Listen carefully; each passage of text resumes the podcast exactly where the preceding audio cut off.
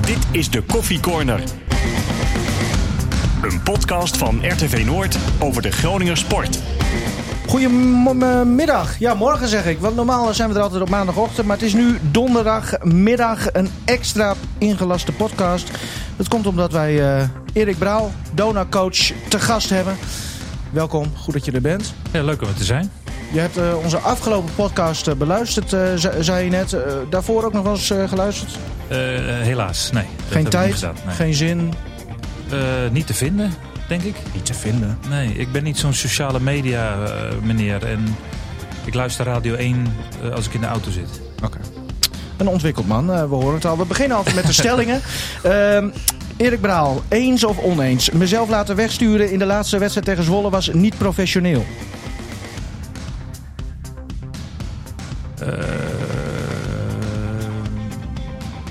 Ja, eens. Karel-Jan Buurke, Dona-watcher. Ook goed dat je er bent. Eens of oneens, het seizoen van Dona is mislukt. Eens. Erik Braal, eens of oneens. Mijn houdbaarheidsdatum bij Dona is nog niet verstreken. Let op het woordje niet. Eens. Erik Braal, kiezen. Dus een primeur trouwens. De eerste keer dat, dat we ook een keuzevraag... Uh, heb je door dat ik er ook sta? Ja. ja oké. nee, ik heb zo een voor jou. Uh, Erik Braal, de wedstrijd Feyenoord-Ajax bezoeken. Of op diezelfde zaterdagavond is een concert van Sting. Feyenoord Ajax. Kijk, een heel goed antwoord. Uh, Martin Drent, volgend seizoen ga ik vaker dan één keer naar Donar. Ja, want ik heb... Ja, eens. Ja, nou mooi. Ja. Dan zullen we uh, samen gaan waarschijnlijk. Um, Eerst even terug naar afgelopen zaterdag. Uh, ik weet niet of je er uh, met heel veel plezier op uh, terugkijkt, Erik. Maar die wedstrijd tegen Zwolle verloren. Dat was de allesbeslissende wedstrijd. Dus de titel ging naar Zwolle. Knappe prestatie, heb je ook veel respect voor. Heb je ook uitgesproken. Um, maar had het er ook maar één moment in gezeten? Heb ik het even over zaterdag zelf? Nou, zaterdag uh, was het voor ons natuurlijk een do-or-die game. Uh, we, we starten in ieder geval heel erg slecht aan de wedstrijd. Uh, dus misschien moet je gewoon wel... Was het toen al op. En uh, was het toen eigenlijk de wedstrijd... Kijk, je wilt thuis natuurlijk nog een goede... iets laten zien. Maar het feit dat, het, dat we... We speelden gewoon niet goed genoeg. De wedstrijd daarvoor in Zwolle al niet. Dus... Volgens mij was, was dit wat erin zat. Dat, was het ook gewoon op? Ook die wedstrijd daarvoor al? Uh, nou, dat zou ik niet willen zeggen. Want, uh, maar we, we, begonnen gewoon slecht aan de wedstrijd. En dan, dan merk je halverwege van, nou ja, dit is eigenlijk, uh, hier moet nog wel iets heel bijzonders gebeuren. Ja, nou, maar, maar wat is het dan op? Nou, dat heeft heel veel dingen, heel veel, heel veel zaken. Ik geloof ook wel een beetje, maar fysiek waren we echt helemaal aan ons einde. we hadden veel blessures, een paar mensen die ziek waren geweest. en we konden gewoon niet dat geven wat je nodig hebt in de finale. Okay. Terwijl jullie altijd om de prijs hebben gespeeld. Nu trouwens ook. Maar uh, jullie hebben toen ook steeds laten zien, jaar op jaar. Dat, dat, dat jullie ook echt uh, nodig uh, of hadden wat er nodig was om, om die prijzen te spelen. Ja, hoe, hoe jammer is het dan dat je dat dan toch in dit jaar tussen de vingers ziet wegglippen? Nou, je, moet, wordt op waarde geklopt, zeggen ze dan. Hè? En, uh, en zo is het, denk ik. Zij waren beter als, als wij uh, waren op dat moment. Uh, je probeert als team en als coach je team aan het eind van het seizoen het beste te laten spelen. Want zo werkt de play-offs. Hè? je begint op nul. En uh, zo leek het ook te starten. We waren na, in, in aanloop naar de play-offs toe waren we denk ik steeds beter aan het spelen. Nog wel steeds met ups en downs. Maar het betere spel zat hem vooral in het feit dat slechte perioden steeds korter werden. Dat was eigenlijk onze grote mak het hele seizoen. Dat we in hele slechte momenten maar bleven hangen en dat we daar maar niet uitkwamen. Dat ging naarmate de play-offs nou, dichterbij kwamen, ging dat een beetje, uh, konden we dat een beetje eh, verminderen, verkleinen, verbeteren. Uh, waardoor we eigenlijk wat op een constanter, op een iets hoger niveau kwamen te spelen. Uh, toen de play-offs startten, nou, was dat met een eerste wedstrijd tegen Den Helder en een tweede wedstrijd tegen Den Helder was het oké. Okay. Dat was nou niet een super inspirerende tegenstander. Kon je ook nog niet veel uithalen, kan ik me voorstellen. Dat je niet helemaal weet van Precies, waar, waar jullie nou echt stonden? Exact. Uh, weliswaar gewoon door de gretigheid van de eerste wedstrijd wisten we wel van oké, okay, we zijn op de goede weg. Maar ook nog wel genoeg dingen om aan te sleutelen.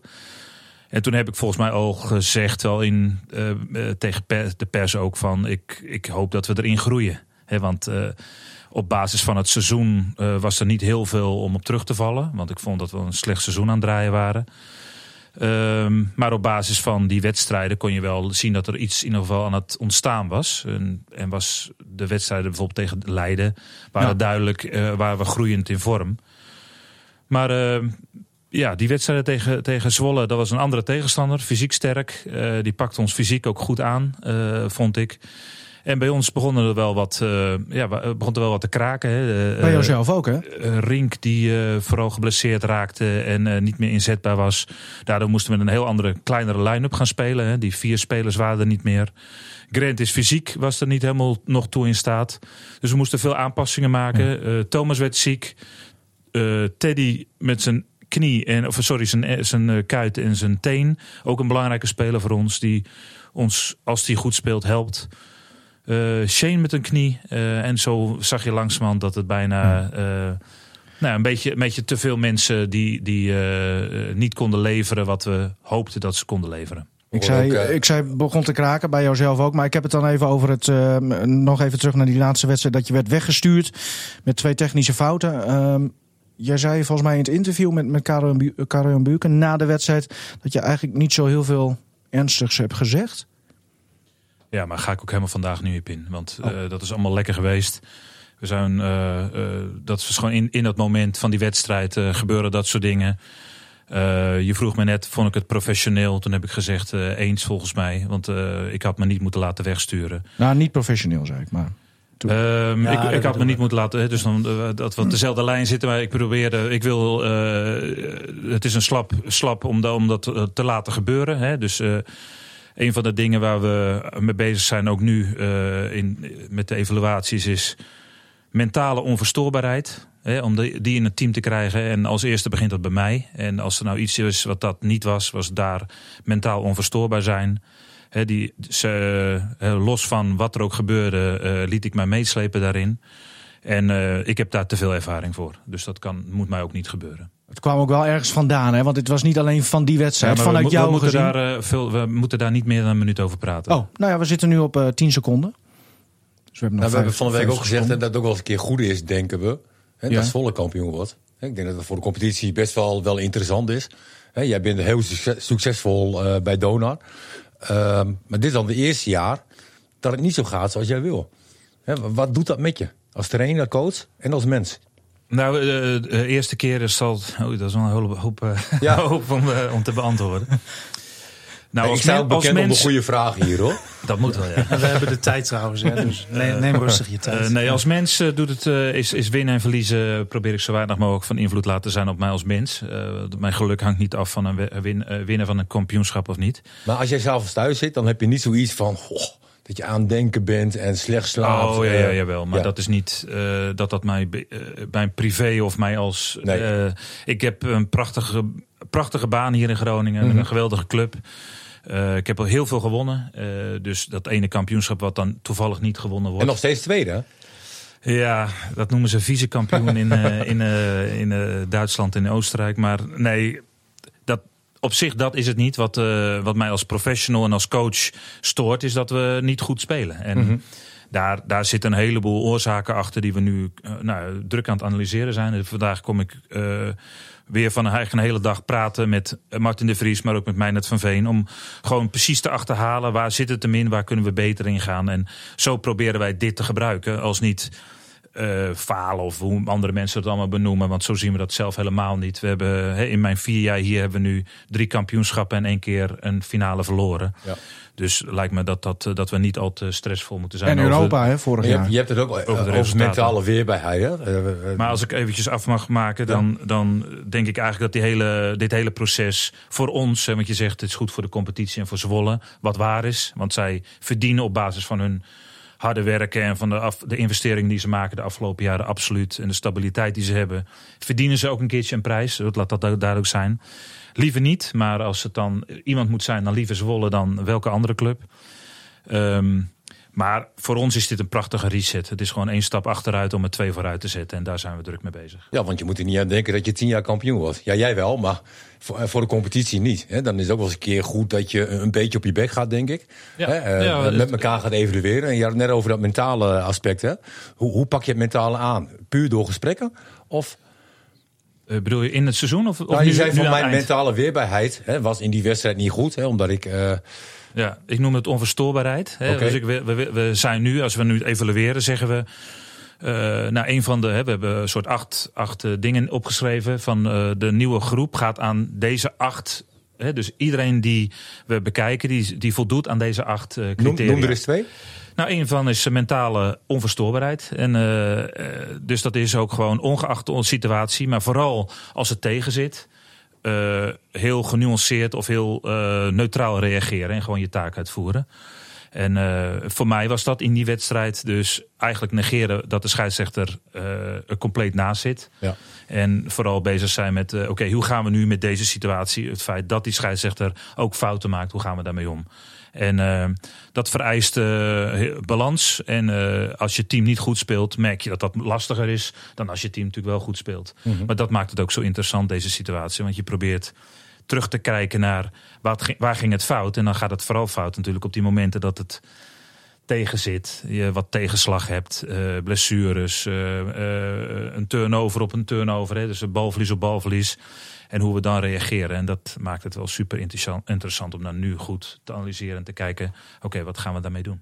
Heb je nog een Mooi. ander punt? Want eh, Ma- Martin vroeg eh, twee voorbeelden. Eh, kun je ons eens meenemen in, in het hele ja, proces? bijvoorbeeld is heel simpel. Als, eh, kijk, we, we formuleren onze stijl van basketbal in eerste instantie, maar ook wat we denken dat we de komende jaren nodig hebben om succesvol te blijven.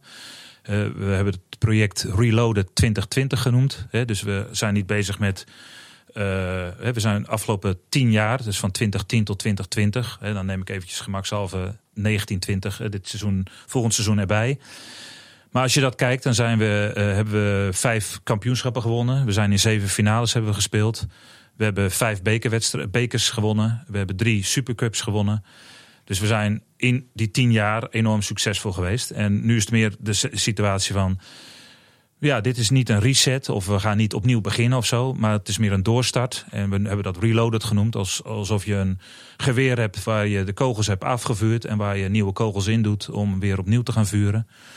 Ehm, die situatie creëert ook dat je gaat proberen om te kijken van... oké, wat hebben we in de komende jaren nodig om succesvol te zijn? Zowel in Nederland als, als in Europa.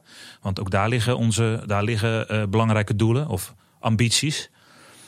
Ehm, en dan eh, formuleren we eigenlijk wat denken we daarvan nodig te hebben in, in de toekomst. En een van die dingen is dat we intelligente spelers willen hebben.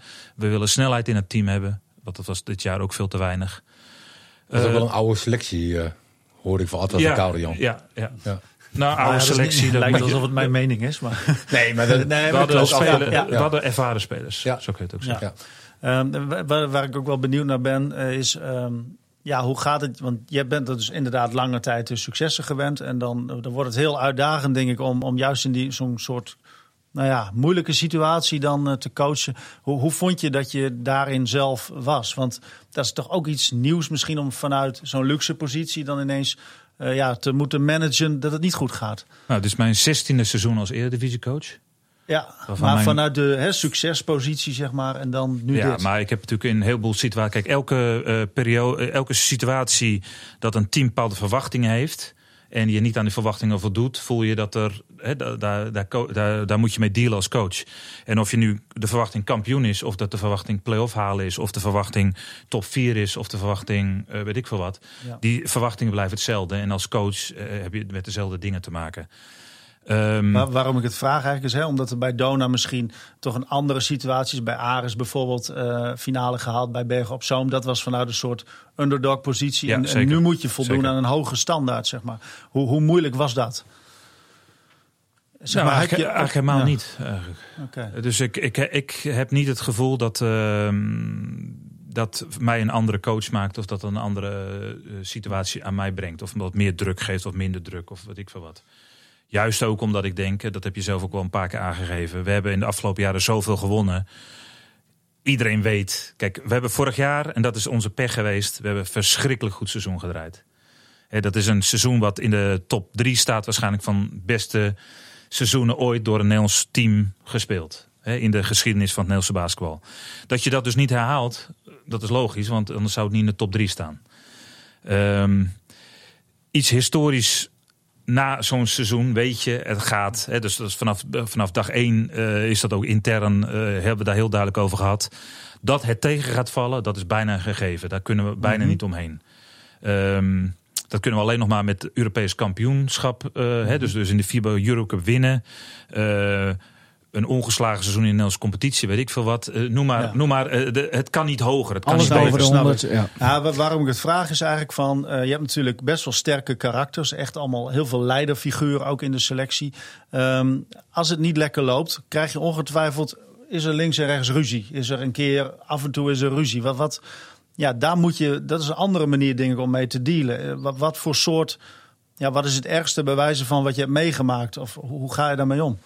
Nee, maar als, bedoel, dat is ook natuurlijk in de loop van het seizoen een paar keer ook wel naar buiten gekomen. Is van, hè, dat we bijvoorbeeld bij, bij een pers zitten en dat je aan mij vraagt. Uh, ja, hoe, hoe ga je hiermee om? Je hebt een paar wedstrijden verloren. We verloren natuurlijk in, vooral in het tweede seizoen zelfs veel te veel wedstrijden thuis. Uh, daar voel ik me echt verantwoordelijk voor. Hè? Want de mensen hebben een seizoenkaart gekocht en die zitten daar uh, massaal uh, te wachten op een feestje. En dat feestje komt niet.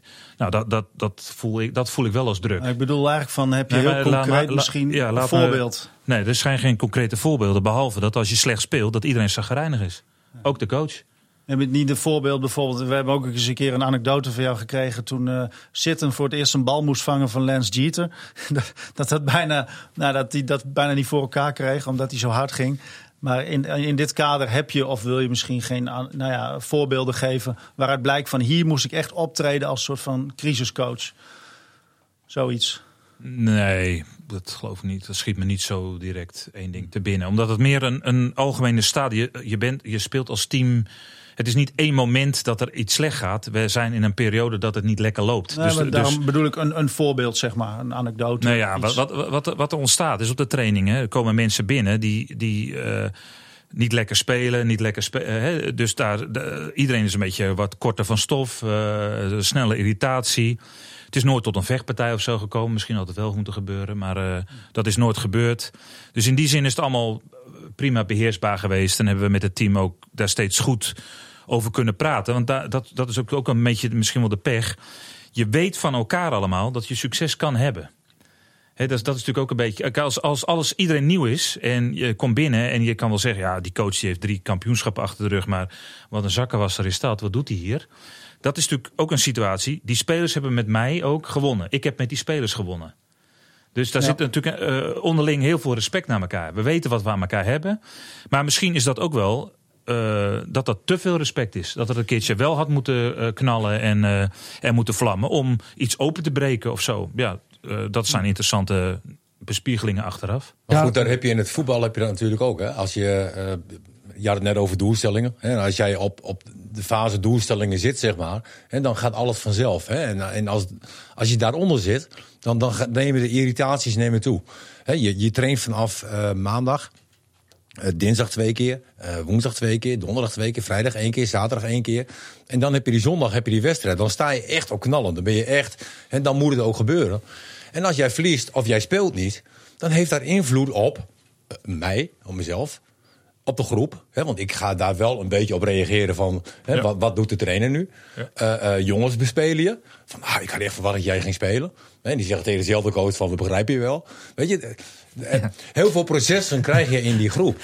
En, en dat, dat, is eigenlijk, nee, maar dat is het allermoeilijkste wat er is. Ik heb ooit een trainer gehad die gaf geweldige trainingen.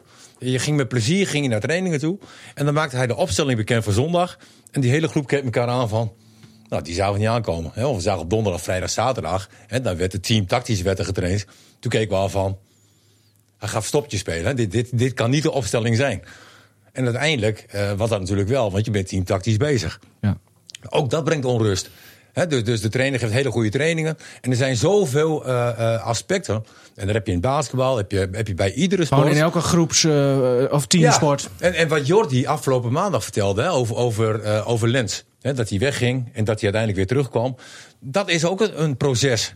He, als, als een hele belangrijke speler weggaat, dan heb je in de groep dat jongens de baas, die, die willen het overnemen, zeg maar. Zat Jordi goed, uh, Erik? Want nogmaals, je hebt geluisterd. En die komt terug en dan, dan gebeurt er misschien wel wat. Nou, er gebeurt 100% wat. Als ja. er, maakt niet uit of Lens is, maar ook uh, maakt niet uit welke speler erbij komt.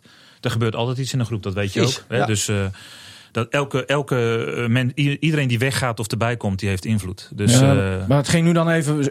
werd Lance wel echt expres genoemd. Omdat het de tweede keer was dat hij terugkwam. En zeg maar wegging als general. Niet zelf benoemd trouwens. En weer terugkwam. En eigenlijk ook wel zoiets had van. Ja, maar hallo, ik ben de general. Maar dat er alweer nieuwe generaltjes. ja, nee, dat, dat, dat laatste is een aanname hoor. Van Ja, Jordi. nou ja, dus, eh, Nee, dat, dat, dat gaf hij zelf ook ja, aan. Hè? ja.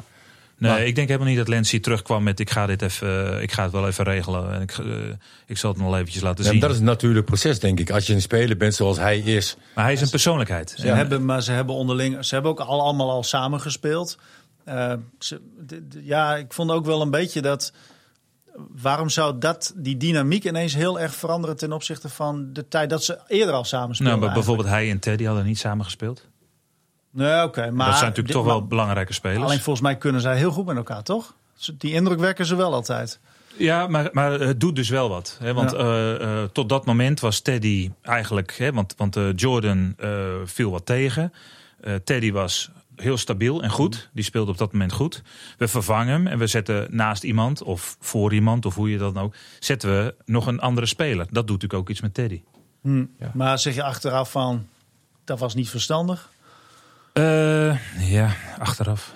Ja, nee, maar dat zou kunnen Ja. dat je achteraf, omdat je leert van wat er gebeurt, is dat je misschien zegt, nou, ja, maar leert, misschien eh, deze situatie, eh Karian, is een nieuwe situatie... die nooit meer voort zal komen. Dus wat leer je van voor de volgende keer? Misschien een soort vergelijkbare situatie dat zou kunnen. De, de, misschien hooguit, je kan de, de, het meest interessante is... wat zou er gebeurd zijn als deze groep bij elkaar was gebleven? Dus die we aan het begin hadden. Met alle negatieve en positieve en negatieve dingen. Dat is eigenlijk... Maar ook dat is weer, eh, zeg het maar. Weet Nee, je wel, dat snap want, ik, eh, maar misschien kun je er toch een soort les uittrekken. Zo van, goh, eh, Ja, maar wat is de les dan? Nou ja, dat in zo'n soort situatie dat soort spelers bij elkaar, ja, de finale speelt en dan 2-2 komen en dan het niet af kunnen maken. Want dat, Goed, maar je moet er iets, en de- en iets de je zelf ook, ik ben op zoek naar dingen en, die en ik de play-offs haalt, eh play-offs halen van Europees basketballen. Ja, nee, Ja, ik dus- was erbij. Dus En het op is een gegeven allemaal... moment worden dingen ook gewoon, weet je. Dan, Ja. dan ligt onze... En Eh, omdat ik dat was vraag bij ook Groningen ook zo. Hè? Dan weer Europees voetbal. Dan verwacht je jaar erop ook weer Dat Europees. zou ook iets Hè? kunnen zijn. Misschien heb je dat gevonden. Dat dat misschien, want je zegt van we zijn nu ook aan het zoeken nog steeds. Er moet, er moet ergens denk ik iets zijn waarvan je zegt van nou dat was misschien toch wel nou, het meest wat ons in de weg zat bijvoorbeeld. Nou, er is één ding. En, en eh, eh, dat, dat vond ik een interessante waarneming. Vanaf het begin heeft eh, Martin tegen mij gezegd... Hè, Martin de Vries, de, degene met wie ik het team eh, samenstel... eh, het lijkt wel of die gretigheid weg is. Het lijkt wel of, de, of, de, of er niet de echte, dat die Ja. echte hongerigheid weg is. En ehm, nou, achteraf gezien kun je zeggen... dat heeft hij op een heel vroeg moment goed gezien. Op dat moment is het ook niet te veranderen, want het is zo. Ja. En je kan Nou, er als coach... dit is een logisch verschijnsel. Je zag bij Real Madrid ook. Natuurlijk haalt Ronaldo weg, maar ik denk dat het wel vergelijkbaar is. Een team dat zoveel gewonnen heeft, zou in principe ook zonder Ronaldo heel goed moeten kunnen spelen. Ja. En dat is En maar het misschien grootste probleem je, je, je, je krijgt zo'n band met elkaar. En eh, afgelopen seizoen was het meest succesvolle seizoen eh, ooit. Ik kan, kan me ook voorstellen trouwens nog dat jij had gezegd van... ik ga stoppen, want meer valt er niet te halen. Oh nee. Nee, nooit. Hè, maar als je dan zo'n seizoen hebt, dan is het moeilijk om te zeggen van... nou, we nemen daar afscheid, daar afscheid van, daar afscheid van. We gaan verjongen, we zetten een andere gro- groep neer. En vaak ben je daarmee te laat. Dat Ik vind het gebeurt ook bij- wel interessant. Bij alle topploegen. Wat Martin de Vries, de, hoe, wat is zijn officiële titel behalve Mr. Donor? Technisch directeur of technisch Officiële- manager? Dus Of Dan praat je nou weer door me Technische heen. zaken. Nee, want ik ga door op wat jij zegt. ik vind het wel Best- interessant wat Bestuurslid technische zaken. bestuurs. zei je. Oké. Maar jullie zijn eigenlijk samen met z'n twee de twee belangrijkste mensen in het samenstellen van de selectie. Ja. Ja. Wij, wij, tenminste, wij zijn de twee mensen die. Dan vind ik het wel interessant dat die twee mannen die daar verantwoordelijk voor zijn, grotendeels eh, al in, in het begin van het seizoen, dus heel snel eigenlijk al erachter komen dat de gretigheid er niet is in de selectie die zij hebben samengesteld. Hoe, hoe kan dat? Eh, als je in een eh, het meest succesvolle seizoen ooit zit. Hè, dus ik heb, ik heb dit jaar één ongelofelijke les geleerd. En die les is dat het absoluut waar is dat je een kampioenschapsteam altijd te laat verwisselt. Ja. Ja. Maar Kom. ik ben ook achtergekomen dat het een waarheid is, een cliché is geworden inmiddels, omdat het altijd klopt. En je kan dat niet veranderen. Nee. Nou, de goede les. Het is, Ja. dus geen les. Nee. Het is gewoon, Het je ondergaat het. Ja. Ja. Het ondergaat Nee, maar je hebt het nu goed geleerd. Daar ja, komt maar, het op maar neer. eh, Nee, het is wat is hier de les? wat is hier de les? Dat Nou, we de dat volgende keer weer wel Ja, doen. Ja, dit Want wat vind gebeurt ik er wel, nou? dit vind ik wel een, eh, dit vind ik een hele goede eigenlijk. Wat je Want, wat gebeurt Ja. er? Je hebt een fantastisch seizoen. Eh, halverwege het seizoen denk je, het loopt gesmeerd. Moet je kijken. En wat heel belangrijk is voor spelers, bepaalde zekerheid. We hebben wat oudere spelers, die hebben kinderen enzovoort. Dus we zijn al contracten aan het verlengen. Dat is goed voor de jongens. Voel, hè, rust in de selectie. Niemand onrustig bezig met statistieken. Niemand bezig met een volgend jaar. Dus we zijn. hè, eh, Jason Durisso zijn contract wordt verlengd. eh, of die had misschien nog wel een verlengd eh, contract. Eh, Sean Cunningham had het jaar daarvoor al verlengd voor het seizoen erop. eh, met twee jaar. Want dat straalt rust uit. Dat straalt visie uit. Dat straalt beleid uit. Want anders krijgen we al die media om ons oren. Er zit geen beleid in Groningen. Dona wordt gebeurd Ik helemaal hoor niks. als Nederland. Nou, maar wat jij zegt, dat, dat is ook wel iets wat wij even geconstateerd afmaken. hebben trouwens. Dus, hoor. dus wat gebeurt er? Je, je bent een, een, een team aan het samenstellen. waarbij er gewoon een heleboel, hè, zes contracten vast liggen. Dan kun je prima in augustus constateren dat, ze, dat het wat minder gretig is. Maar die contracten heb je toch gewoon te respecteren. En die heb je afgesloten in het jaar daarvoor zelfs al. Of in het jaar dat het su- super succesvol was. Dus je zat ook een heb- beetje heb, gevangen. eh, Eigenlijk. nou ja, je bent maar- altijd gevangen. Als Maar- jij, als, ja. als, als jij nu een driejarig contract krijgt hier. eh, en je doet nu dit jaar het geweldig. en Maar de jaren hierop denk je. Nou, het zal mijn tijd wel duren. Want eh, ze, ze, hè, ze kunnen toch niet van me af. Dan zal jouw baas denken. Hè, had ik het maar niet gedaan. Maar op dat moment heeft hij de juiste beslissing genomen. Want jouw show was een geweldige show. Ja, maar in zijn dit is geval ook nooit. bekijken we Dit, het per dit week. is ook. Ja. Nee, maar dit is ook nooit een discussiepunt geweest volgens mij. Want volgens mij hebben, hebben de media denk ik ook altijd gezegd van... aan het begin van het seizoen vond niemand het een slecht idee... dat er zo'n groot deel van de selectie Ja, bij is gebleven. Dus Precies. vooraf denk je allemaal van... hé, hey, maar dit, dit moet wel gesmeerd gaan. Dat het anders loopt, ja, daar kom je... en daarom vond ik het een, een goede opmerking voor jou dat je zei... ja, daar kom je altijd te laat achter. Dat denk ik ook, ja, dat je dan... Ja, dit, dit kun je niet voor zijn in principe. Iedereen vond het eigenlijk een goed idee vooraf. Ja, dat denk ik. Ja, maar als de komende vijf jaar hetzelfde gebeurt wat de afgelopen vijf jaar gebeurd is, overkomt hij het weer. Maar dan, Dan heb je je ook, die vijf een- jaar, dan heb je ook je een weer hele bult prijzen trouwens. Als je in dit Dan eh, staat hij in hele. Hij staat nu al tevreden trainen, denk ik. Nou, niet op, dit, van Nee, op dit moment seizoen. misschien Nee, even nee. niet. Maar als van je even terugkijkt. Want de gretigheid, als dat een, een punt is bij spelers, hoe heb je dat zelf ervaren? Want jij zit eigenlijk in hetzelfde pakket. Eh, ik heb het ervaren als een. Kijk, los, nu eh, terugkijkend. Hè, want je vraagt natuurlijk hoe is het voor mij halverwege. Bij, bij jezelf, hè? Je eigen halverwege neem ik aan, niet nu. Want Ja, nu, eh, duren, tijdens het seizoen. Ja. Nu ervaar ik het als. waar is dat team van volgend jaar? Want we gaan morgen trainen. Hm. Hè, dus Nee, precies. Maar tijdens het seizoen. voor mij stroomt, eh, stroomt en bruist het nu op dit moment. Ehm, nee, als ik terugkijk, dan heb ik, vind ik een heel goed seizoen gedraaid als coach. Eén, omdat ik denk dat ik. Ik heb hard moeten werken. Ik heb veel energie eraan besteed. Had dat ook geen enkel probleem om dat te doen. Ehm, voelde me ook fit en, en, en scherp. Eh, maar had wel heel veel uitdagingen. Dat, Dus jouw, gretigheid is er niet minder op geworden. Ik merk dat het meer is. Wa- Was ook al tijdens het seizoen. Ja, ik Heb merk jij dit jaar meer geleerd Ja. dan de ja, kampioensjaren? en dat irriteert me ook zo ongelooflijk. Dat betekent dat hij niet heeft gewonnen. Wat zijn stelling is, nee, je wint nee, of je leert. ik, maar Ik had, Weet je- eh, we, gingen, we gingen na de afloop van de wedstrijd gingen we eten. En eh, kwamen in een restaurant waar we de eigenaar kennen. En die kwam er op een gegeven moment bij zitten. En toen hadden we het over. Hoe komt het nou dat als je eh, tegenslag hebt en verliest, of in zijn geval een restaurant eh, failliet gaat, je zoveel meer leert dan je maakt dezelfde fouten als je wint. Alleen ze worden niet, je wordt er niet voor eh, Nee, geconfronteerd. ja, of eh, hoe noem je Afgestraft. dat? Afgestraft, ja, precies. Dus dus hoe, cre- hoe creëer je de situatie dat je terwijl je wint, diezelfde gretigheid, diezelfde. Eh, bezig, zo bezig bent met eh, verbeteren van fouten. Door, door, hè, hoe creëer je dat? Want dat, dat is voor mijn, mijn zoektocht deze zomer. Wordt ja. dat. in principe was je dezelfde trainer-coach dit seizoen als die andere jaren. Ja, ik denk Of- het wel, maar toch voelt het niet zo. Nee. Ik denk het wel, maar, maar omdat ik ook toen lijstjes maakte, dit moet beter, dat moet beter. Maar op een of andere manier mis je de urgentie. En misschien ook wel dat je niet echt bent afgestraft toen de tijd, voorgaande seizoenen. Kijk, ik kan wel zeggen, we moeten beter rebounden. Maar ja, we winnen de wedstrijd. En we winnen met 20 punten. Ja, we hebben wel verloren. Hoe belangrijk is het dan? Maar nu Zwolle zo goed aan het rebounden is, denk ik, oké, nu gaat het, dat gaat absoluut beter. Dus training 1, dat wordt een rebounding training. Ja. Hè? Dus, dus, dus het, eh, eh, mijn zoektocht wordt ook, hoe kan ik die los van het resultaat, en dat is volgens mij voor elke coach misschien wel voor elke topspeler, het, eh, het, het, de zoektocht. Hoe kan je los van het resultaat bezig zijn met al die kleine dingen beter worden, zodat je steeds hoger niveau komt? Dus als ik dit zo Ja. hoor, eh, je bent nu al natu- natuurlijk ben je al met volgend jaar bezig, maar eh, ik noemde die stelling over die houdbaarheidsdatum.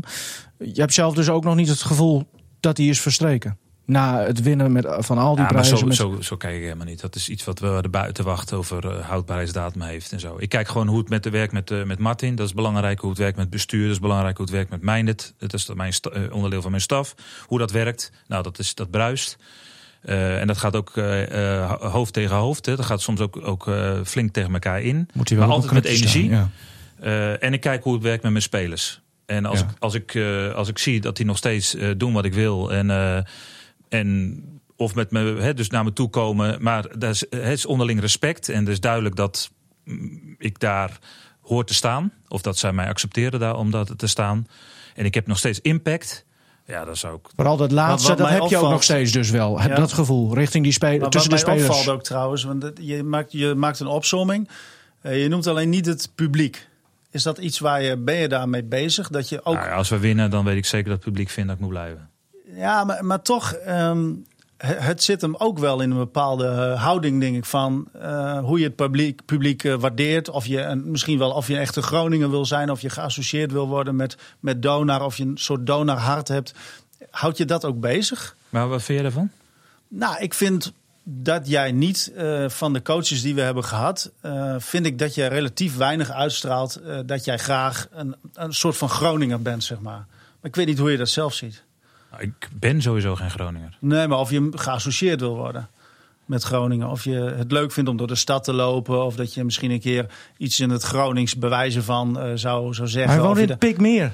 ja. Wat, wat moet Nee, maar of je, hoe leuk vind je het, zeg maar, dat je juist in ik denk Groningen... dat dat helemaal niks te maken heeft met mijn functie als donorcoach. Misschien jij wel, en dat kan ik me ook voorstellen, dat je dat als media voor een verhaal en dat soort dingen. Maar wat bedoel je met Groningen? ook dat, je, dat je.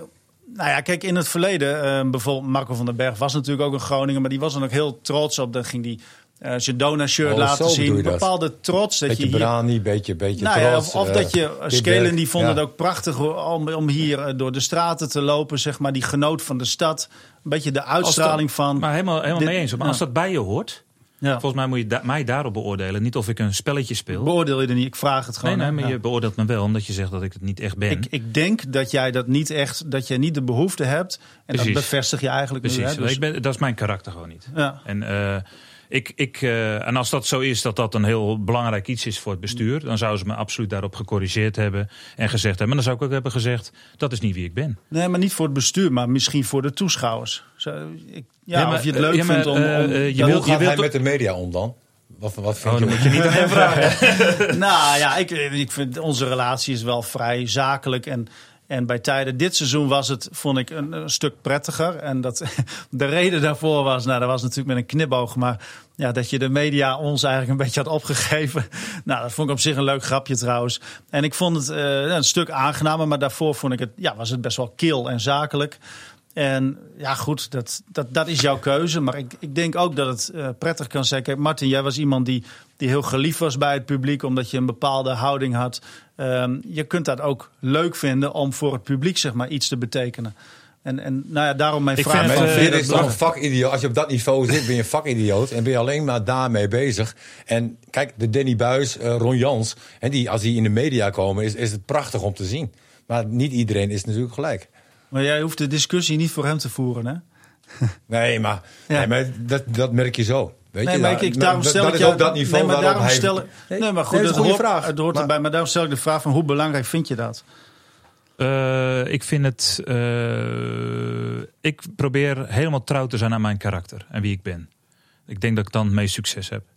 En als mensen dat waarderen, dan fantastisch. En als mensen dat niet waarderen, dan ook helemaal prima. Je Eh, noemt ze wel vaak, hè, de fans. In, in interviews Ja, dus daarom- daarom Daar denk ik begin je ook- altijd mee. Ja, dus daarom denk ik ook van, het is een beetje gechargeerd wat Karel Jan zegt. Maar, fans en Karel Jan Buurken. Ja, maar het is een beetje gechargeerd wat, wat er gezegd wordt. Ik snap het ook wel dat dat een beetje hoort bij... bij hè, het moet een beetje natuurlijk uh, vlammen, maar... Uh, nou, dat, dat is beslist niet zo. Want ik had tijdens het seizoen heb ik heel veel momenten gehad... en redenen gehad ook wel als ik had gewild... om jou bijvoorbeeld af te branden als coach. Er zijn heel vaak mensen naar mij toegekomen die zeiden van... ja, maar moet Braal er niet een keer uit? En, en wat vind je van Braal? Ik heb altijd gezegd, ook in deze podcast... Braal moet gewoon blijven volgens mij. Want hij is een vakman, hij doet zijn werk goed. Dus in principe ben ik niet alleen. ik vraag het mij af omdat ik denk dat het wel een aspect is van je werk. En ik vraag me gewoon af. In deze setting van hoe, belangrijk vind je dat? Nou, dat was mijn vraag. Sterker nog, jij bent nooit negatief geweest over Donar. Je hebt tot het laatste heb je geloofd dat ze kampioen zouden worden. Ja, en ook wel met onderbouwing op zich. Ja, klopt, en, en, klopt. Ja, goed. Dat, dus zo, zo zakelijk sta ik er in principe ook in. Uh, maar goed, ik ben ook iemand wel. Nou, ik, ik ben ook wel. Vind het leuk dat wij afgelopen jaar bijvoorbeeld hebben we beter samengewerkt. Nou, dat, dat waardeer ik. Heeft in principe geen invloed op uh, de vraagstelling. Alleen wel om de sfeer. En nou, dat, dat is altijd prettig. Nee, maar dat, dat, daar ben ik helemaal mee eens hoor, mm. overigens. Maar uh, over die samenwerking, dat dat wat, wat prettiger mm. verloopt en, en zo. En ik heb ook geen enkel probleem. Of ik ben niet iemand anders geworden omdat uh, dinges. Maar uh, ik vind dat jij beter bent geworden in je werk. En dat, dat daardoor. Kijk, mijn, mijn irritatie gaat natuurlijk heel vaak ook over uh, onnozele vragen. En als ik. Want ik, ik denk dat ik uh, probeer om uh, als donorcoach uh, te vragen. En dan mijn, de eerste vraag van ja, hoe voel je je na een, na een wedstrijd? Dat is niet wat ik denk is dat de vraag die ik moet gaan beantwoorden. Zonder van mijn tijd. En, ja, maar, wat, wat zou een leuke eerste vraag zijn dan? Maar ik snap dat die vraag gesteld wordt. En ik snap dat, uh, dat ik me daaraan aan moet passen. Dat heb ik zo goed mogelijk uh, geprobeerd te doen. Ik blijf mijn karakter houden. Ik blijf wie ik ben. En dat probeer ik te zijn. En om heel eerlijk te zijn, denk ik dat ook heel veel mensen dat waarderen. En die zullen niet naar jou toe komen. Uh, ik, die komen wel gelukkig naar mij toe. Uh, en als ik nu de afgelopen, de afgelopen zondag nemen we afscheid van het team. En hoeveel mensen me dan komen bedanken en vragen of ik toch nog wel wil blijven. En of ik toch wel blijf, dan, uh, dan doet me dat goed. En die mensen heb ik hartelijk bedankt. En uh, ik ben op fanavonden ben ik er. en geef ik, geef ik speeches en geef ik lezingen. Ik kom voor dit soort dingen opdraven. omdat ik vind het leuk om te doen, één. Maar, en het voelt ook zeker niet als verplichting. Maar tegelijkertijd weet ik ook dat hoort bij mijn werk. Ehm, dus in die zin, ik, ik, maar ik, ik weet ook, mijn prioriteit ligt bij het team, bij het basketbalcoachen. Zorgen dat dat team gaat winnen. En als wij winnen, dan denk ik dat die mensen wat minder naar jou toe kunnen komen. Dus misschien moeten we dat proberen te doen. Laten we dit even ja, afsluiten. Ja. Maar, maar, maar ik ben wel even. Nee, wacht even. Karel Jan die moet natuurlijk ook zijn vragen stellen wat voor mensen interessant is. Zo'n eerste vraag van nou, hoe voel je het nou? Ja, dat zegt hij nu dat ik. Maar nee, die, maar die vraag nee, is op zich. Dat is voor de luisteraar, kijker, is dat wel interessant. Nou ja, voor hem. Ik wil het ook wel precies, want het is ook, nou ja, naar mij toe even. Ik kan hierop reageren, namelijk. Ik probeer altijd een combinatie te maken van dat jij zeg maar uh, niet te technisch wordt in je eerste antwoord. Uh, zodat zeg maar, eigenlijk heel veel mensen afhaken als ik het voor radio moet gebruiken bijvoorbeeld. Uh, maar dat jij zeg maar, ook niet denkt van... Ja, wat moet ik hier dan weer mee? Op zich, het gevoel, dus die balans zoeken tussen dat jij mij niet een enorme idioot vindt. en uh, ja, dat is lastig, zie ik. maar, en dat de mensen er ook iets aan hebben, zeg maar. die, die balans is lastig. Uh, maar letterlijk van hoe voel je je? Ja, dat, dat, dat komt over als een, een vraag. Ik weet niet of ik. Ik denk niet dat ik hem letterlijk zo vaak gesteld heb, namelijk omdat dat een soort van no-go is. Maar ja, ik probeer wel, zeg maar, en jou goed te bedienen en het uh, publiek. Dat er ook naar moet luisteren, zeg maar. Dus ja, dat is, dat is ingewikkeld soms. En jij bent zeer scherp. En dat, uh, soms is dat grappig. Soms denk ik wel eens, nou, geef dan gewoon, je weet echt wel wat ik bedoel. Want ik weet bij jou inmiddels, daar heb ik ook alweer geleerd. Een stelling ga jij sowieso uh, geen, nou zeg misschien ja of nee, maar dan hou je ook op met praten. Um, in principe uh, goed is.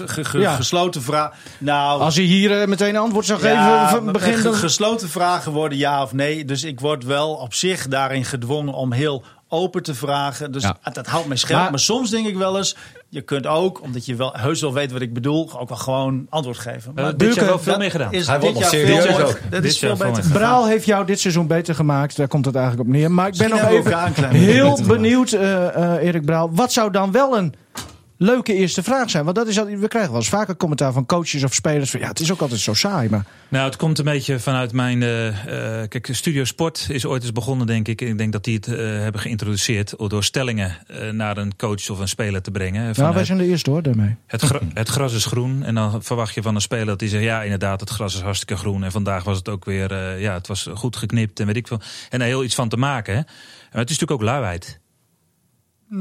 Maar dit was geen antwoord op mijn vraag. Ik stelde, wat zou een leuke eerste vraag zijn? bedoel je? Slecht voorbereid. Ja, Ja. dus luiheid toch? Nou, of een soort dat je je eigen Ah, mening je kunt alles zeggen eh, van hem, maar hij bereidt zich altijd goed voor. Nee, maar eh, hij is absoluut de uitzondering. Nee, maar hij wil eh, bij Nee, zichzelf maar ik blijven, heb zeg maar. Maar ja, de journalist ja. moet ook een beetje bij zichzelf blijven, toch? Nou, Hè, maar over, want- over en weer. Het is ook heel lastig. Het is altijd het lastigste om clichés te vermijden in Nee, een sport. Helemaal bijvoorbeeld in een playoff-serie Ja. waarbij je om de dag bij elkaar staat. Ja, wat is dan nog een creatieve vraag? Maar, maar- wat is ook een creatief antwoord? Hè? Het is wel. eh, Ja, Jij gaat je ontwikkelen, Karel Jan, dit seizoen. Nee. Ja, nee, maar ik leer Nee, goed. veel in dat opzicht. Dus dat scheelt. Wat ook veel gebeurt is dat als je een vraag stelt, dat er dan een antwoord komt wat geen antwoord is op die vraag. Dat deed jij net zelf. Ja, dat, eh, dus deed, dat deed ik heel, heel bekwaam, ja. ja, nou ja, maar ik laat niet los. Oké, ja. dat is ook, ik eh, ben dan benieuwd wat dan Pitbull, wel. hè? Ja, want je hebt dan commentaar op, op, op zijn Ik eerste vind jou vraag. Of beter in dan het algemeen. maandagmorgen, hoor.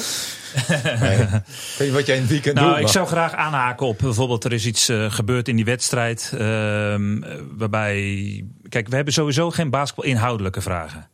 Hè, dus dat is waar ik voor leef. Waar ik ook denk dat de antwoorden zijn te zoeken in situaties. hè. Dus de, we verliezen een wedstrijd. Dan zijn die voor mij de antwoorden in basketbaltechnische dingen.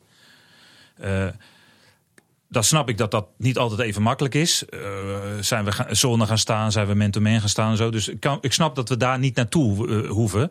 Maar het zou mij wel af en toe de gelegenheid geven. Want ik, ik vind. Het zou mij af en toe de gelegenheid geven om daar wel naartoe te gaan. Of om iets daarover te ver- verklaren of over te, te zeggen. En ik vind het eh, een beetje onderschatting van het publiek of van je luisteraars om te zeggen: het wordt te moeilijk of te technisch. Nee, dat, dat, dat is op de website heb je denk ik gelijk. Dat, je, dat heel veel mensen, want die klikken het bewust aan. Dat zijn liefhebbers. Alleen op de radio wordt het je eigenlijk zeg maar, meer opgedrongen. Dan moet je nou, ineens een basketbalonderwerp horen. En dan, dan moet het juist weer heel open zijn. Eigenlijk voor iedereen te begrijpen. Dus daarom is die balans gewoon lastig, zeg maar. Ja, maar eh, dus als, als ik puur kijk naar eh, interviews, zo weet ik, eh, en hoe dat gaat. Dan probeer ik de, de clichés te vermijden. Als, hè, als, als coach voel je ook, ik ben in clichés aan het praten. En dat probeer ik te vermijden. Ik probeer een beetje, in ieder geval, een antwoord te geven wat niet iedereen verwacht. Of wat, nou, waar, iedereen, waar ook een journalist denkt, oh ja, hey, leuk dit. Oh, eh, dus in, in die zin... Dat, dat eh, vind ik eigenlijk dat je, ja, dat, dat, sorry dat ik het zeg hoor. Maar ik vind Maar je- dat je best wel vaak eh, juist de zakelijke omschrijving geeft, zeg maar. Ja, dus ik probeer ehm, in vragen, mag niet te technisch worden, het gaat nooit over basketbal. Dus eh, heel makkelijk om te zeggen tegen een journalist, de schoten gingen er niet in. Zou je het liefst niet met de media praten? Dat dat geen verplichting is, laat ik het zo zeggen. Na zo'n wedstrijd, dat je nou weer moet komen Oh nee, maar ik heb er geen enkel bezwaar tegen om tegen, met de media te praten. Ik zou graag willen dat ik ehm, dat ook, maar dat is misschien mijn leraarachtergrond of mijn coachachtergrond, dat er een, ook een, wat, wat educatie in zit. Dat je kan zeggen, eh, we gingen zone staan, daar vonden ze te makkelijk de gaten in. Eh, we hadden meer daar moeten sluiten, weet ik veel wat. Eh, ik vind persoonlijk het heerlijk om voetbalverslaggevers te horen die. Hè, of zo'n analyse te zien in een studio, waarbij ze laten zien wat mensen weglopen, waarom bepaalde Ja. mid- Ja. middenvelders openkomen. Dat vind ik heerlijk. Ja, Hè, kan ik, me ik, voorstellen. Pieter Zwart vind ik heerlijk om naar te luisteren. Ja. Ehm, en zo kijk ik een beetje naar media. En ik Ja. ben ook onderdeel op dat moment een luisteraar. Dus ik kan me ook voorstellen dat als ik een interview geef en wordt uitgezonden op Radio Noord, dat er een Erik Braal met een andere naam zit te luisteren naar de radio, die het wel leuk vindt om niet te horen, de schoten gingen er niet in. Helder. Eh, reloading tw- 2020 of... re- ja? Op Ja. zijn Engels volledig? Oké, nou ja, ik- een bijzondere naam. Eh, maar, dat wil zeggen, jullie zijn eh, flink bezig nu. Je hebt met Jordi Kuiper gesproken, eh, zei je al. Er staat een heel proces te wachten. Hoe- Hoeveel procent van de spelers eh, die je aan het eind van het seizoen had, zowel op het veld als in de lappenmand, eh, zien we volgend jaar met grote waarschijnlijkheid terug? Kun je daar iets Of over zeggen? wie? Ja, hoeveel Ja, procent wie? is misschien? Ja, dat is lastig. Ja, ik ben niet zo Nou, goed in wie- hoofdrekenen. Wie, wie, heb, je- wie heb je al weggestuurd? Eh, niemand eigenlijk. Dat klinkt ook een beetje respectloos hoor. Zo, Ja. eh, weggestuurd, maar van wie heb je het contract niet verlengd? Eh, dat, zo- dat hebben we nog niet gedaan. Er zijn contracten die aflopen.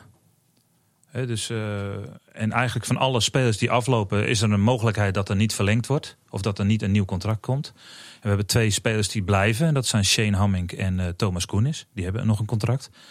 Waar we nu mee bezig zijn is zeggen, wat ik net, wat ik net eh, schetste een beetje. We hebben gewoon geformuleerd hoe we denken te moeten gaan basketballen in de komende jaren om succesvol te blijven. Daar horen bepaalde karaktereigenschappen en gedrag bij. En eigenlijk wordt iedereen langs die meetlat gelegd. En het tweede wat we nu daarbij gaan doen is de Nederlandse regels wat spel betreft gaan iets veranderen. Namelijk, je hebt niet alleen maar Nederlandse paspoorten nodig, maar je hebt vooral homegrown players, zoals ze die noemen, nodig. Het zijn jongens die tot hun 21ste in Nederland hebben gespeeld. Minimaal drie jaar in Nederland hebben gespeeld. Dus bijvoorbeeld Jordi is zo'n speler. Ja. Nou, dat is alweer een plusje in die lijst. Ja, dat is, nou, dat is absoluut. En dat is ook, eh, kijk, eh, Jordi loopt rond in, eh, in eh, Martini Plaza, geeft commentaar bij jullie, komt hier, praat over Donar. Ik kende hem helemaal niet. Ehm, ik had hem ook nog nooit gesproken, maar het is natuurlijk een jongen van de club. Eh, Martin heeft hem nog getraind. Hè, dus in die zin, hij hoort beetje bij de club. Hè, het is een oud speler Donar van zit ons. in zijn hart. Ja, dat, dat merk je. Dus wat, wat, ik, wat ik belangrijk vond om eh, de roddels in de playoffs, finales en halve finale te vermijden, heb ik eh, niks. Hè, dus heb ik niet naar hem toegegaan om een hand te geven en publiekelijk hem te zien. Want dan weet ik zeker wat er gebeurt. En dan ontploft sociale media. Want Jordi heeft een eh, contract of eh, de Dat coach praat helemaal niet uit. Het maakt mij niet zoveel uit. Ik heb geen sociale media. Maar ik weet wel dat het onrust zou kunnen geven voor mijn team. En dat heb ik dus bewust niet gedaan. Maar wel dat ik dacht, na het seizoen moet ik eens met hem praten. Want ja, hij loopt hier rond. En eh, het is volgens mij een jongen die eh, goed nadenkt over de, dingen. En, en, en vandaar was het een hartstikke leuk kennismakingsgesprek. Dus dat heb ik gisteren gehad. Dus nu is eigenlijk, proberen we in kaart te brengen... wat zijn de, in Nederland de beste spelers die homegrown zijn en beschikbaar. Ehm, en dat is afhankelijk van wie is daar beschikbaar, wie kan ons helpen, wie gaat ons komend seizoen helpen om succesvol te zijn.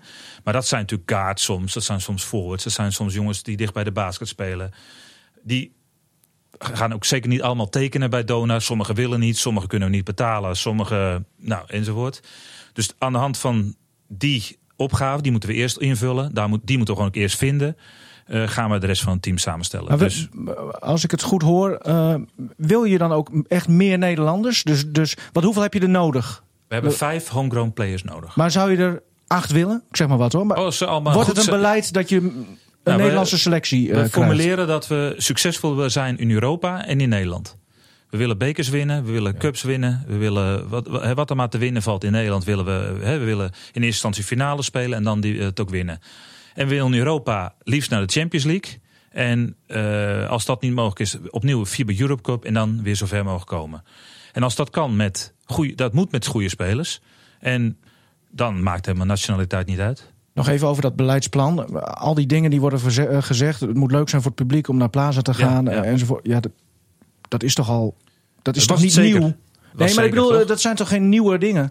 Dat je opeens denkt van, ik, maar eh, nu ik, moeten we dat eh, doen. Jij zegt nu iets wat, in- wat niet in het be- beleidsplan staat. Want ik heb volgens mij geen enkele keer gezegd dat eh, het leuk moet zijn om naar Martini Plaza te komen. Nou, ik Behalve dat een- ik vind dat Ja, het leuk ja. moet zijn. Maar Maar, dat, is geen beleidsplan. nee, hoor. maar dat moet een, een gevolg worden van het uitvoeren van Uiteraard. het beleidsplan. Maar, maar dat, dat soort, ja, zijn dat nieuwe dingen dan? Nee, maar je wordt er soms wel door dat je een team samenstelt en jaren doorgaat op een bepaalde weg, word je weer geconfronteerd met eh, bepaalde zaken die we gewoon in de recruiting beter moeten doen. Want eh, ik denk dat als je terugkijkt op het seizoen, en kun je alles van vinden, up en down, eh, niet gebracht wat we hadden gehoopt, eh, niet gewonnen wat we hadden gehoopt. Kun je ook zeggen, we zijn aan de start, hebben we misschien hadden we beter moeten recruiten. En dat zijn we nu proberen aan het doen. Ja, want, want Jordi die zei ook in de vorige podcast hoe, hoe hij dacht dat het ongeveer ging. Hij zei, ik kan me niet voorstellen dat, eh dat Donar dan eh, niet eh, minstens twee, drie volledige wedstrijden, dus geen highlights, maar volledige wedstrijden van een speler bekijkt. Ja, met hem gaat dat- praten. Ja, maar dat hoe was gaat het voor, voorgaande jaren ook al zo. Ja, Dat is niet veranderd niet. nee, maar gaan jullie dan nu op een andere manier... Nou, als ik vanochtend schets, ik ben vanochtend hierheen gekomen. Dan zitten Meindert en Martin en ik in de warroom in, op ons, op, in onze kantoor. Eh, met de grote plakaten aan de muur over eh, alle eisen waaraan spelers moeten voldoen. En dan gaan we gewoon door databases heen met spelers. Hè, eh, die heeft Martin eigenlijk al een beetje voorgeselecteerd. Terwijl wij finale speelden was hij en daarvoor.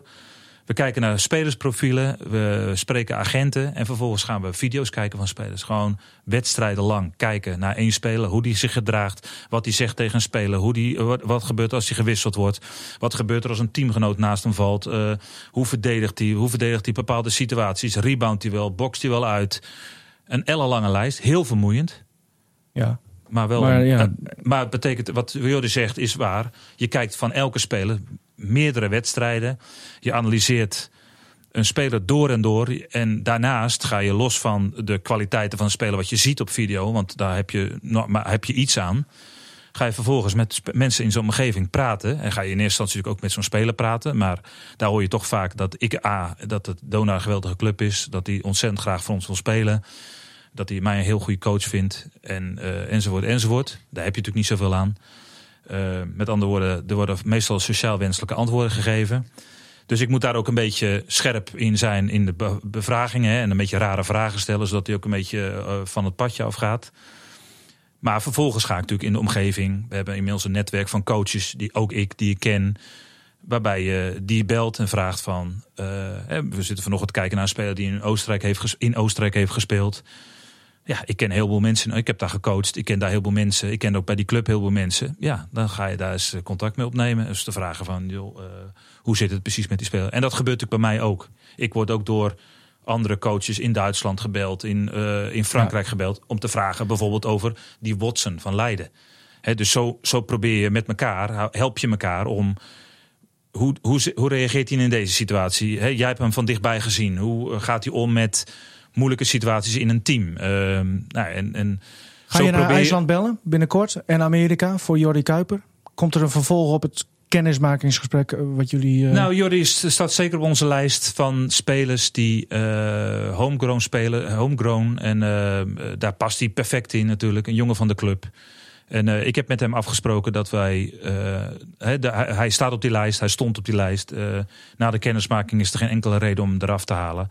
En we gaan gewoon rustig door met zoeken. Je, je wil ongetwijfeld natuurlijk niet zeggen wie er blijven. Er Overigens weet hij het ook niet zeker hè, of hij wel Wat? wil komen. nee, want Ja, hij, nee, dat klopt. Zo, zo ook. Maar stel hij zou willen, dan is het geregeld. Sorry, eh Karel Jan, nog even tussendoor. Maar... Maar Nee, jullie dan is hebben het niet dus gelijk geen, geregeld. Nee. Jullie hebben geen scouting. Wij hebben niet ehm, aparte mensen voor de scouting. Nee, dat hebben we niet. In principe, Martin de Vries, die, die kijken rond.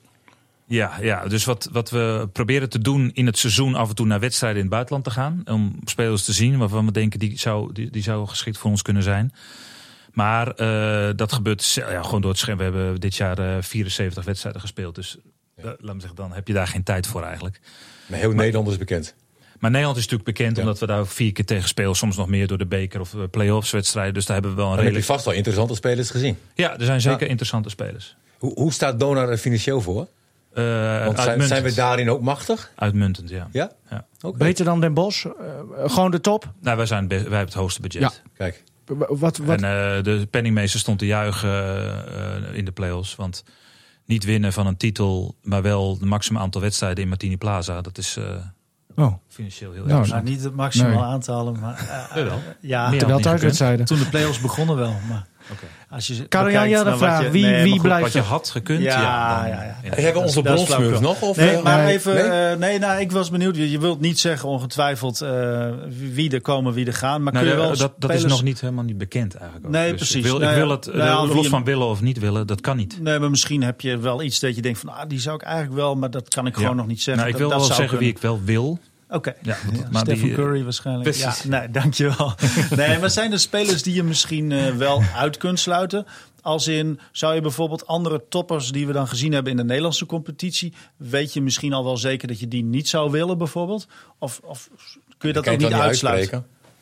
Dat weet ik niet. Dat eh, zou financieel niet handig zijn.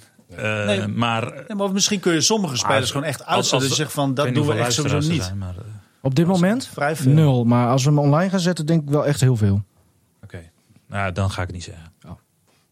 Nou, prima. Ik zou Nee, gewoon Zwolle eh, kopen. eh, er zijn zeker interessante spelers in de Nederlandse competitie. En wat goed aan is, is kijk, waar we, waar we meest, wat het lastigste in recruiten nu, is dat wij proberen om op een Europees niveau te recruiten. Dus we willen Europees, spelers die Europees mee kunnen doen, waar we competitief zijn.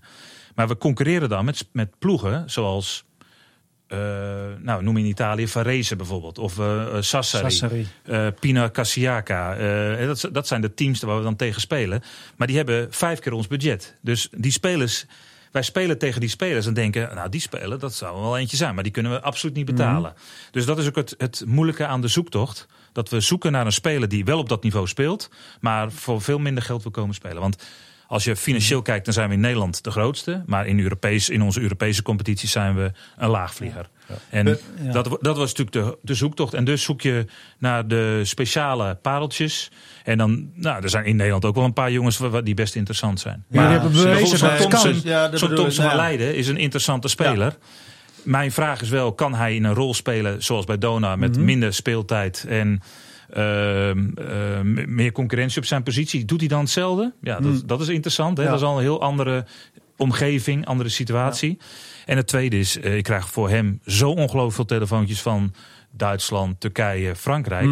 Dat ik denk, Dat, ja, eh, daar gaan we echt niet redden. Dus, dus ja, je kunt wel zeggen, een goede speler is voor iedereen interessant. Iedereen ziet dat. Maar een speler die een beetje net onder, onder het maaiveld blijft, waarvan je denkt, hé, hey, dat kan er eentje gaan worden. Dat is ook een beetje geluk en daar zoeken we naar. Zoals dat Curry, het ook de andere. Curry. Nou maar zulke jongens, Ja, ja. dat Die hebben kennen jullie. we, maar die kennen we natuurlijk al. Die had een slecht jaar gedraaid in Duitsland. En die was eigenlijk toe om. Ja, die wilde zichzelf gewoon laten zien. Had, was geblesseerd geraakt eh, in Slove- Slovenië het jaar erop. Kijk, en die pareltjes. Waarvan Met we een weten- maar Ja, maar we weten dat hij verschrikkelijk goed kan basketballen. Maar hij kan het niet laten zien op het niveau wat hij denkt dat hij kan. Omdat niemand hem meer. Niemand dat vertrouwen geeft. Kijk, dat, dat, dat zijn natuurlijk de, de speciale figuren. En Nog weer contact met hem gehad misschien? ik heb heel, eigenlijk heel het seizoen door met, met Brennan contact Ja, gehad. Ja. Misschien ook over een terugkeer, ja, voor zover je dat kunt zeggen. Ja, kijk, die heeft gewoon goed gespeeld in Frankrijk. Bij een laagvlieger weliswaar. En eh, eh, los van, van eh, of wij hem wel of niet terug willen... zal hij ontzettend bezig zijn met... ik wil in deze competitie blijven. Want als ik één ding terugkreeg van hem... is zijn ambitie was om in een hogere competitie te spelen. Maar dat hij het daar naar zijn zin heeft gehad, dat weet ik ook. En dat is natuurlijk onze, ons dilemma ook een beetje. We... Kijk, die, die jongen die heeft het hier enorm naar zijn zin gehad. Maar wij, wij spelen ook in Nederland. Wij spelen ook tegen Weert en tegen, eh, tegen Amsterdam. En dat weten die jongens. Dus als wij een heel seizoen alleen maar Europese wedstrijden zouden spelen... of we zouden een heel seizoen in Duitsland spelen... dan zouden we een heel andere eh, type speler vinden. Ook met ons budget. Want, want eh, de middenmotor in, in Duitsland... Die, die, laat me zeggen, dat is ongeveer dezelfde soort speler die wij zoeken. Alleen dan speel je wel in Duitsland. Ja. Dus het is best wel ja, zoeken naar eh, goede spelers. Ja. Datzelfde denk ik in voetbal. Eh, Ajax kan spelers zoeken. Maar misschien Ajax is nog wel het verschil, want die gaan Champions League spelen. Maar PSV of Feyenoord, die zoeken spelers die eigenlijk ook in onderste regionen van Engeland kunnen spelen. Nou, als je dan een aanbod hebt wat al financieel niet interessant minder is... en je kunt in een betere competitie spelen... dan, dan ben je, dat is gewoon lastig om dan zo'n speler te krijgen. heb je een beetje vertrouwen in eh, Erik? Volgend seizoen? Ja, ja, heel veel. Feyenoord, hè, heb ik het over nu. Ook heel veel. Ja, echt? Ja, geen idee. Ik weet Je bent hoe groot de- fan, eh, begreep ik. Eh, ik ben een fan. Groot Oh. zou ik eh, niet willen zeggen. Ik ben blijft- Rotterdammer, dus ik ben een Ja. Feyenoord-fan.